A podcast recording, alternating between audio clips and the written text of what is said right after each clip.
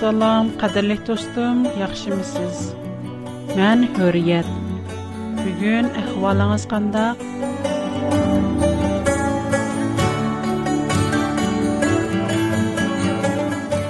Ötken bir haftanız aldıraşçılık içinde ütüp kettim. Dostlarım her daim,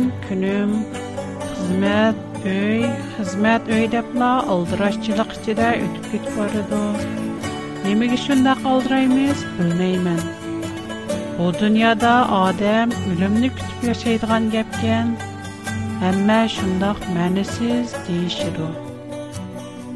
Sizin ruhi keyfiyyatınız qandaqra? Navada adam ruhi sizimini yuqatsa, əmmə mənəsiz, ruh biləndir.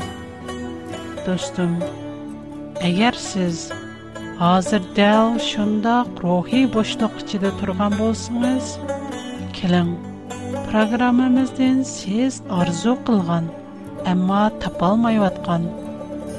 Аңылғандай бірақ тұлғық, яғы әстай дейл аңылашқа пұрсет болмай қылған әқиқатны әліп, чанқыған рухиңізнің қына әтләндіруң.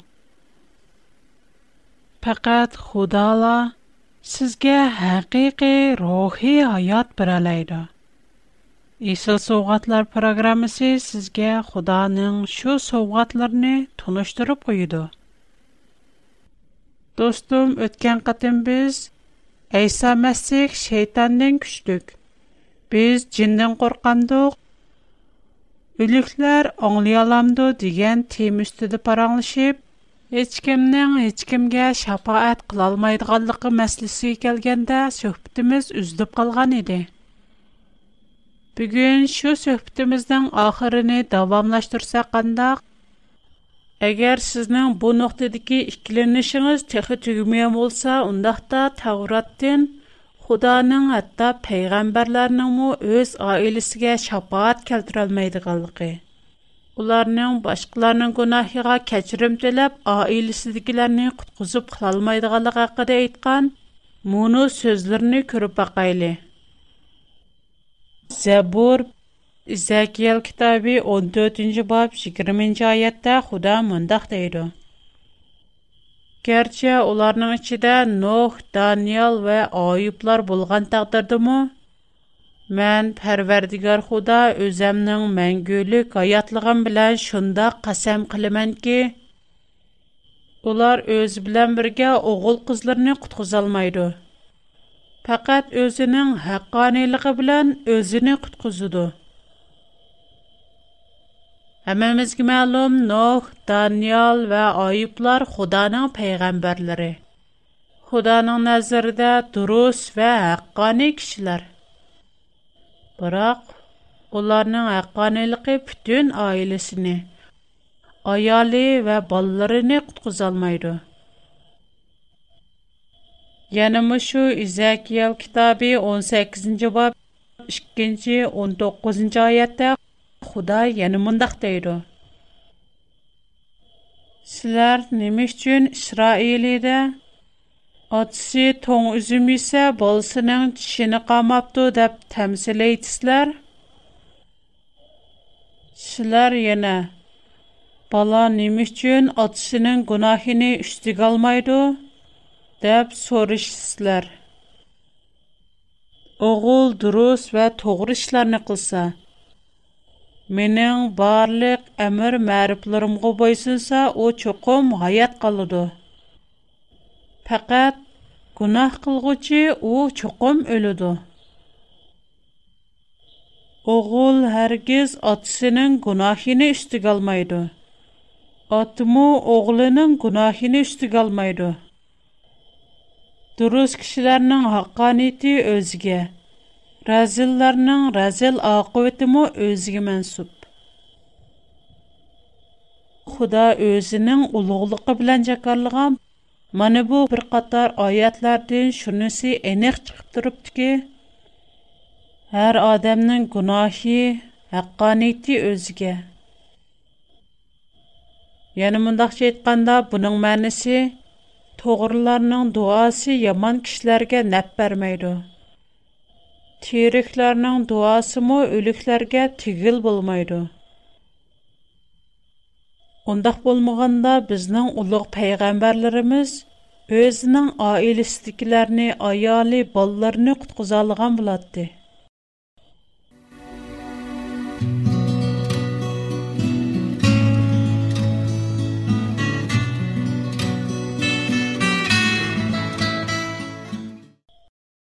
Ülükler anlayalmaydı. Kur'an-Kerim 30. Sure Rum ellik ikkinchi oyat shubhasizki sen o'liklarga so'zingni anglatolmaysan orqasiga qarab yuz o'rigan gazlarg'imi chaqiriqingni anglatolmaysan bu oyatni qandoq tushunish mumkin bu oyat mundaq ikki xil ma'noni purtib o'tadi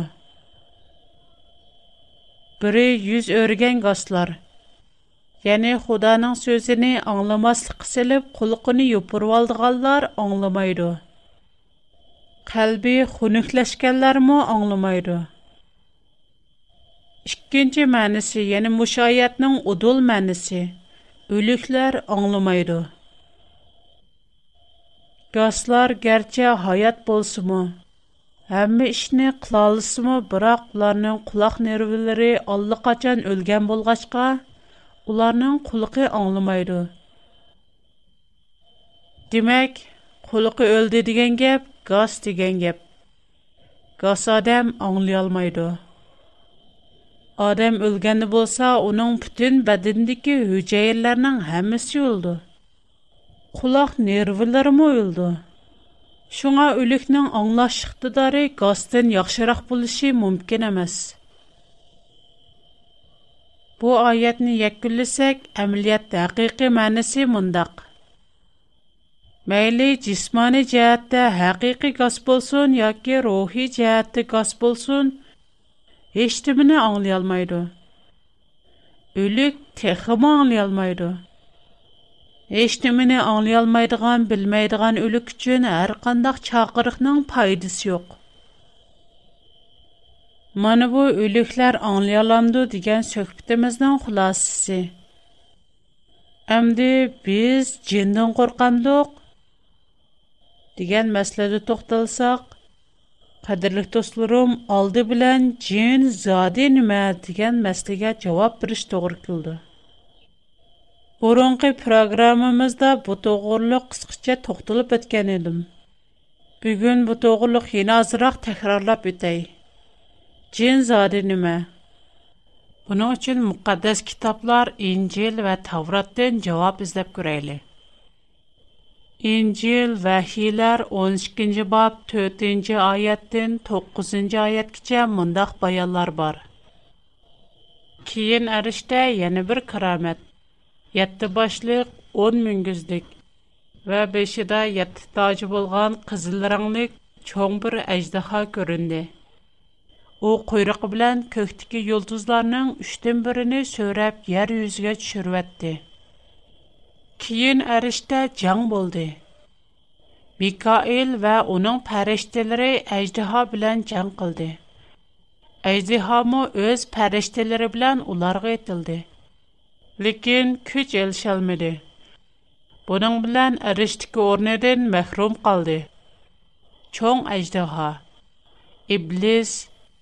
yoki shayton deb ئاتىلىدىغان va butun jahonni ozdirgan ھېلىقى قەدىمىي يىلان farishtalar bilan بىللە yer yuziga ئېتىلدى. Bu oyatda əjdihanın ərişdiki 3 dəmir pəriştini özünə gəşdirib jang qilganligi va keyin mag'lub bo'lib yer yuziga tushib ketganligi yozilgan Şuningdək əjdihanın haqiqiy ismi to'g'risida Оның адам ата Havanidan башлап бүтән дөньяны эзиктурган чоң елан şeytan yoki iblis ekanligi aniq aytildi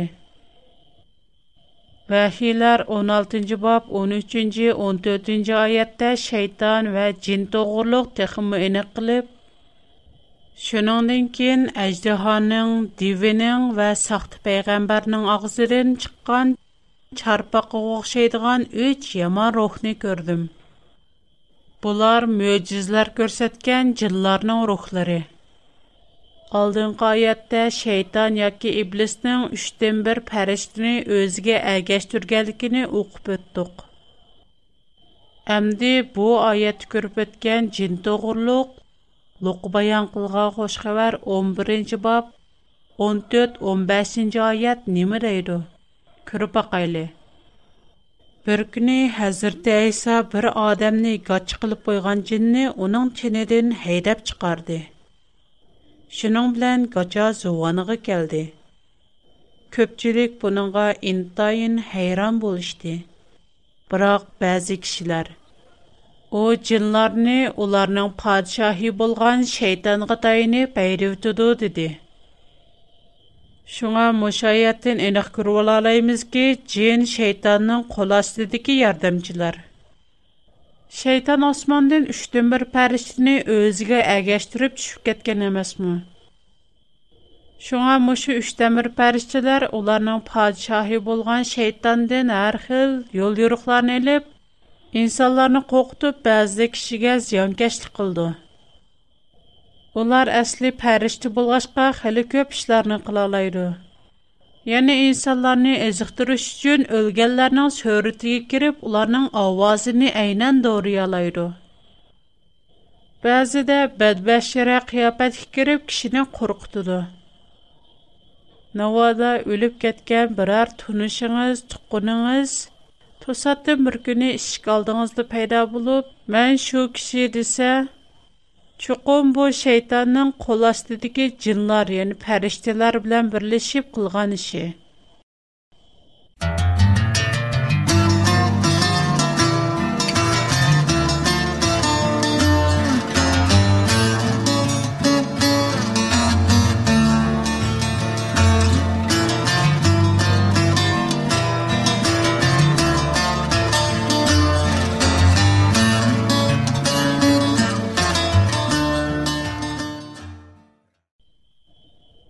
Şeytan əsli intayın qabiliyyətlik və çiraylıq bir pərişdə. Bunu qandaq bilimiz? Zəbur bunu bizə etib durdu. Ay yuruq tağın çolpını, səhərnin oğlu, sən qandaq ulab düşdün? Sən əsli intayın mükəmməl, əqil parasitin tulub daşqan, bütünləy güzəl edin.'' Sən ilgiri Xudanın bağçısı İran bağda hər xil yaqutlar bilən bizəlgən idin. Sən yaratılğan vaxtında əməllərin durus idi. Keyin sənin haqqaniyyətsizliyin aşkarlandı. Şuna mən sənin müqəddəs çayını bulğğanlığın üçün Xudanın müqəddəs dağından səni heydəb çıxardım. Ey əhdi sandıqını yepib durğucu pəriştə kirub. Сән гүзәл булганлыгың өчен акаурлык кылдың. Шөхрәт белән парастыгыны кардан чыгардың. Мен сине ергә ташлап әттем. Зәбур Яшая 14-нче бап 12-нче аят. Изакиял китабы 28-нче бап 12-нчедән 17-нче аят китә. Көп кишиләрдә шунда коркыныч бар. Адам бәзидә мазарда ялгыз маңганда джин, яни шайтанның кулчымакчысы адамгә зыянкәшлек кылды. Бу хил коркыныч умуми. Без джиннән коркандык. Muqaddas kitobda bizning jindan, ya'ni shaytonning qo'lchimoqchisidan qo'rqmasligimiz haqida mundaq ulgu bor. Нуқу баян қылған қош қабар 8-ci баб 26-дин 34-ci аят кече. Әзірті Айса шағыртлары білән Джәлелия көлінің өчетедікі гирасалықлар тұрған ергі барды. Әзірті Айса қырға қычқышыға шәһәрдің келген жин чаплашқан бірі оның алдығы келді. Бу адам ұзынның бірі өйді турмай қабірстанда ялыңа жүретті. O Hazreti Aysani körüşi bilalla onun ayığıga yıqılıp. Ulu Xudanın oğlu Aysa işim qarlaşma. Beni cazalamaslıqını ötünmən. Dəf vaqırıp getdi. Onun bundaq deyişinin səbəbi Hazreti Aysa cinğa onun tinidin çıxışını buyurgan idi. Cin bu adamını uzun vaqit ilkige ilvalgan idi. Нәтиҗәдә бу адам көп кытым зәнҗир белән баглап, кишән селеп кымап куелган булсымы? Зәнҗир кишәләрне үзеп качып чыгып, җин тарафыдан чөл баяваларга элеп кителәтте. Хәзрәт Айса бу адамдан "Исмиң нимә?" дип сорыды. "Исмим Мөңлыган" дип җавап берде бу адамны сөзлетеп аткан Чөнки бу адамгә миңлыган җиллар чаплышып алган иде. Улар Хәзрәт Исага үзләренә шайтанга таярланган тиги юк гаңларга сүрген кылмастыкны үтүнеп ялварды. Шу атраптыки тагбарыда чоң бер топ туңгыз батсы утлап йөрәтте. Җиллар Хәзрәт Исага ялварып, туңгыз батсыга кирип китишкә иҗазат беришне таләп кылды. Həzrəti İsa icazət verdi. Cinlər heliq adamın kinidən çıxıb Tunguz badısına çaplışıb aldı. Bütün Tunguzlar patparaq bulub yugurgan peti yardım düşüb külgə qərq buldu. 9-cu bab 37-dən 42-ci ayətçə yana mındaq ulgu var. Әтсі Хәзірті Әйса үч шәкірті білән білә тағдын түшкән вақтыда нұрғын кішілер оны қаршы алғылы чықты. Топның ішіден бірейлән тұйықсыз вақырап. Ұстаз, оғлымға көңіл білгейсіз, о бірлі бал еді. Оныңға даим бір жинчаплыш біліп, өзічіла вақырап, жақарап кетеді. Bəzidə bütün bədəni tartışıb qılıb ağzından ağ köpük çıxıdı. Cin onu daim qiynab aram verməydi. Şagirdlərinizdən bu cinni hayda ötüşni ötünüb sorasamı, ular amal qılalmadı, dedi. Sizlər nimançı imansız və çirik.'' Мән силәр белән биллә булып, силәрнең яна ла моңа ишенмәгәнлекләргә яна качангыча бердашлык бирәләймен. Диде хәзер Тайса. Анда нелеке кешегә. Балагны элеп кел. Диде. Бала килеп атканда джин уни ергә кытып, бүтән бәдәненә тартыштырып әтте. Бирақ хәзер Тайса джинне һәйдәп, балыны сакайтты. va uni otishiga topshirib berdi ko'pchilik xudoning kuch qudratiga hayron qilishdi mana bu ikki misol bizga jindan qo'rqmaslik to'g'risida o'gitidi Программа ахырда достумга адресимни дәп бермәкчмен. Әгәр мен белән алакалашышны халысыңыз, каләм ва кәгазь таярлап койсаңыз, Программа ахырыда адресымны хатырлы болалайсыз. Шайтан мәйлі қанчылы күштік болмысын, пәкәт бізнің худағы болған итқадымыз мұстәккен болса. Худаның Айса Мәсіх арқылық бізгі берген құрбалықыға таянсақ. Айса Мәсіхнің құдырты кешенсек, жиллар вә шайтан бізні бозақ қылалмайды. bizmi ulardan qo'rqmaymiz chunki ayso masih bu to'g'rida bizga mundoq va'da bergan quloq silinglar man sizlarga yilon chayondek shaytonni oyoq ostinglarda yonchib oladigan amal qilolmadi sizlar nimoncha imonsiz va chirik Мән силәр белән биллә булып, силәрнең яна ла моңа ишенмәгәнлекләргә яна качангыча бардашлык бер алаймын. Диде Хәзрәт Айса. Анда нәлеге кешегә. Балагны элеп кел. Бала килеватканда джин уни ергә кытып, бүтән бәдәненә тартыштырып әтте. Бирақ Хәзрәт Айса джинне һәйдәп, балыны сакайтты. va uni otishiga topshirib berdi ko'pchilik xudoning kuch qudratiga hayron qilishdi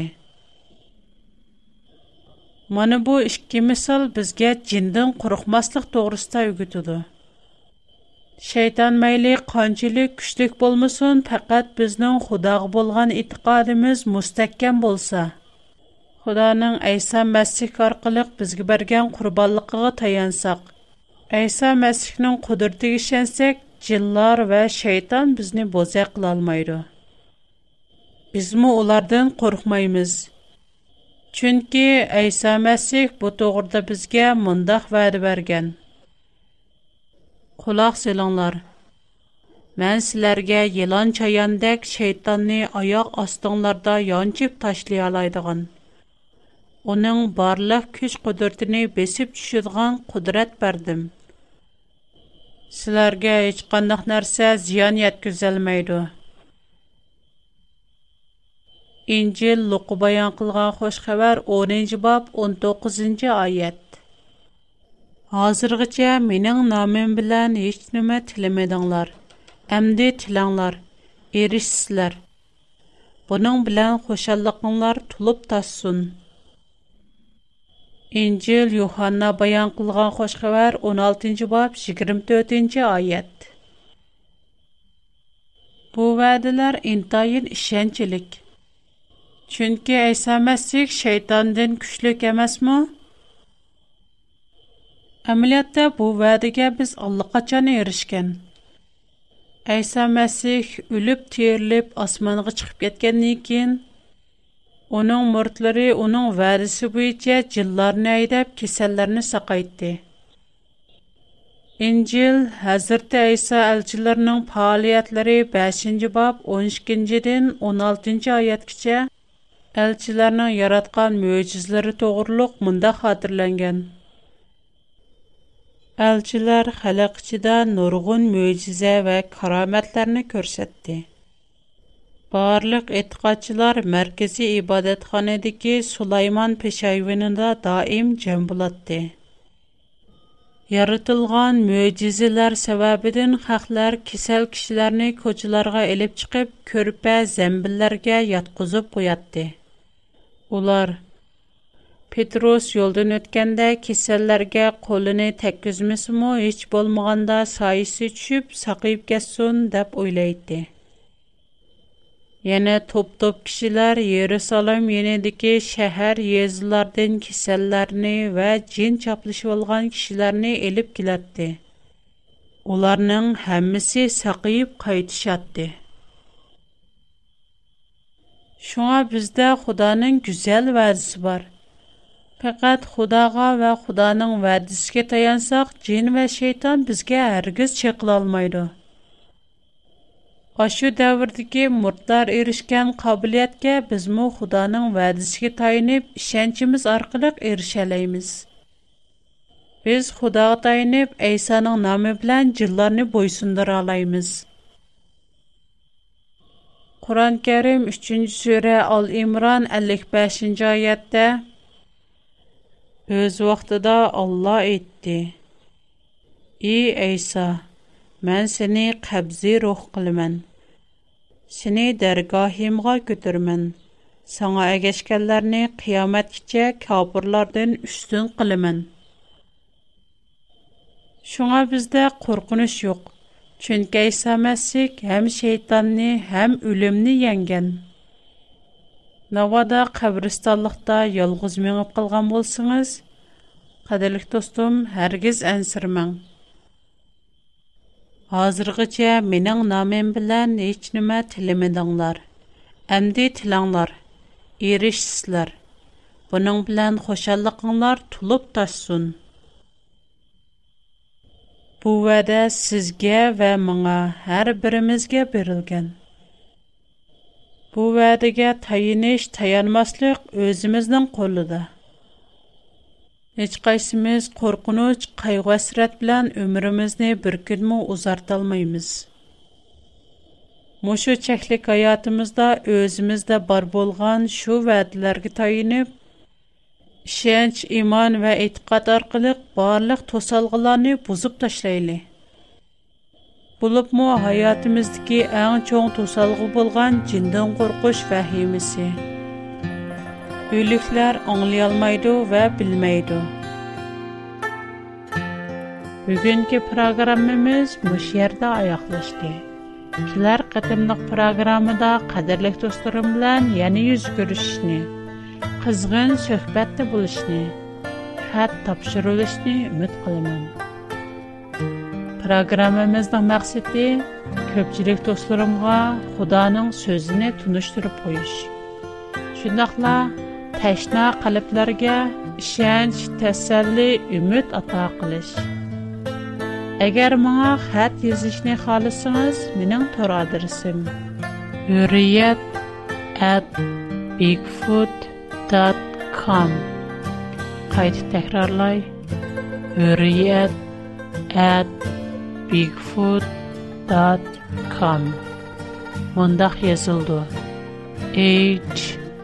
U R I Y E T çember içində E B I G F O O T chicket C О, М.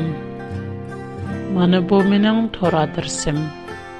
Минем хат дирсем беренче курга. A W R Булар чоң язылды. Икенче курга чоң P чике чоң о. чике чоң B кичик O чик 2 310 астын хурга чон h чик о чик n чик g чон ки чик о чик n чик g кайтоп үтэй менен хата дарсем a w r P O Box 310 P O Box 310 Hong Kong Менің қазірше қатадырсым Шанған Юджин Зунджи Шишан 310 номер.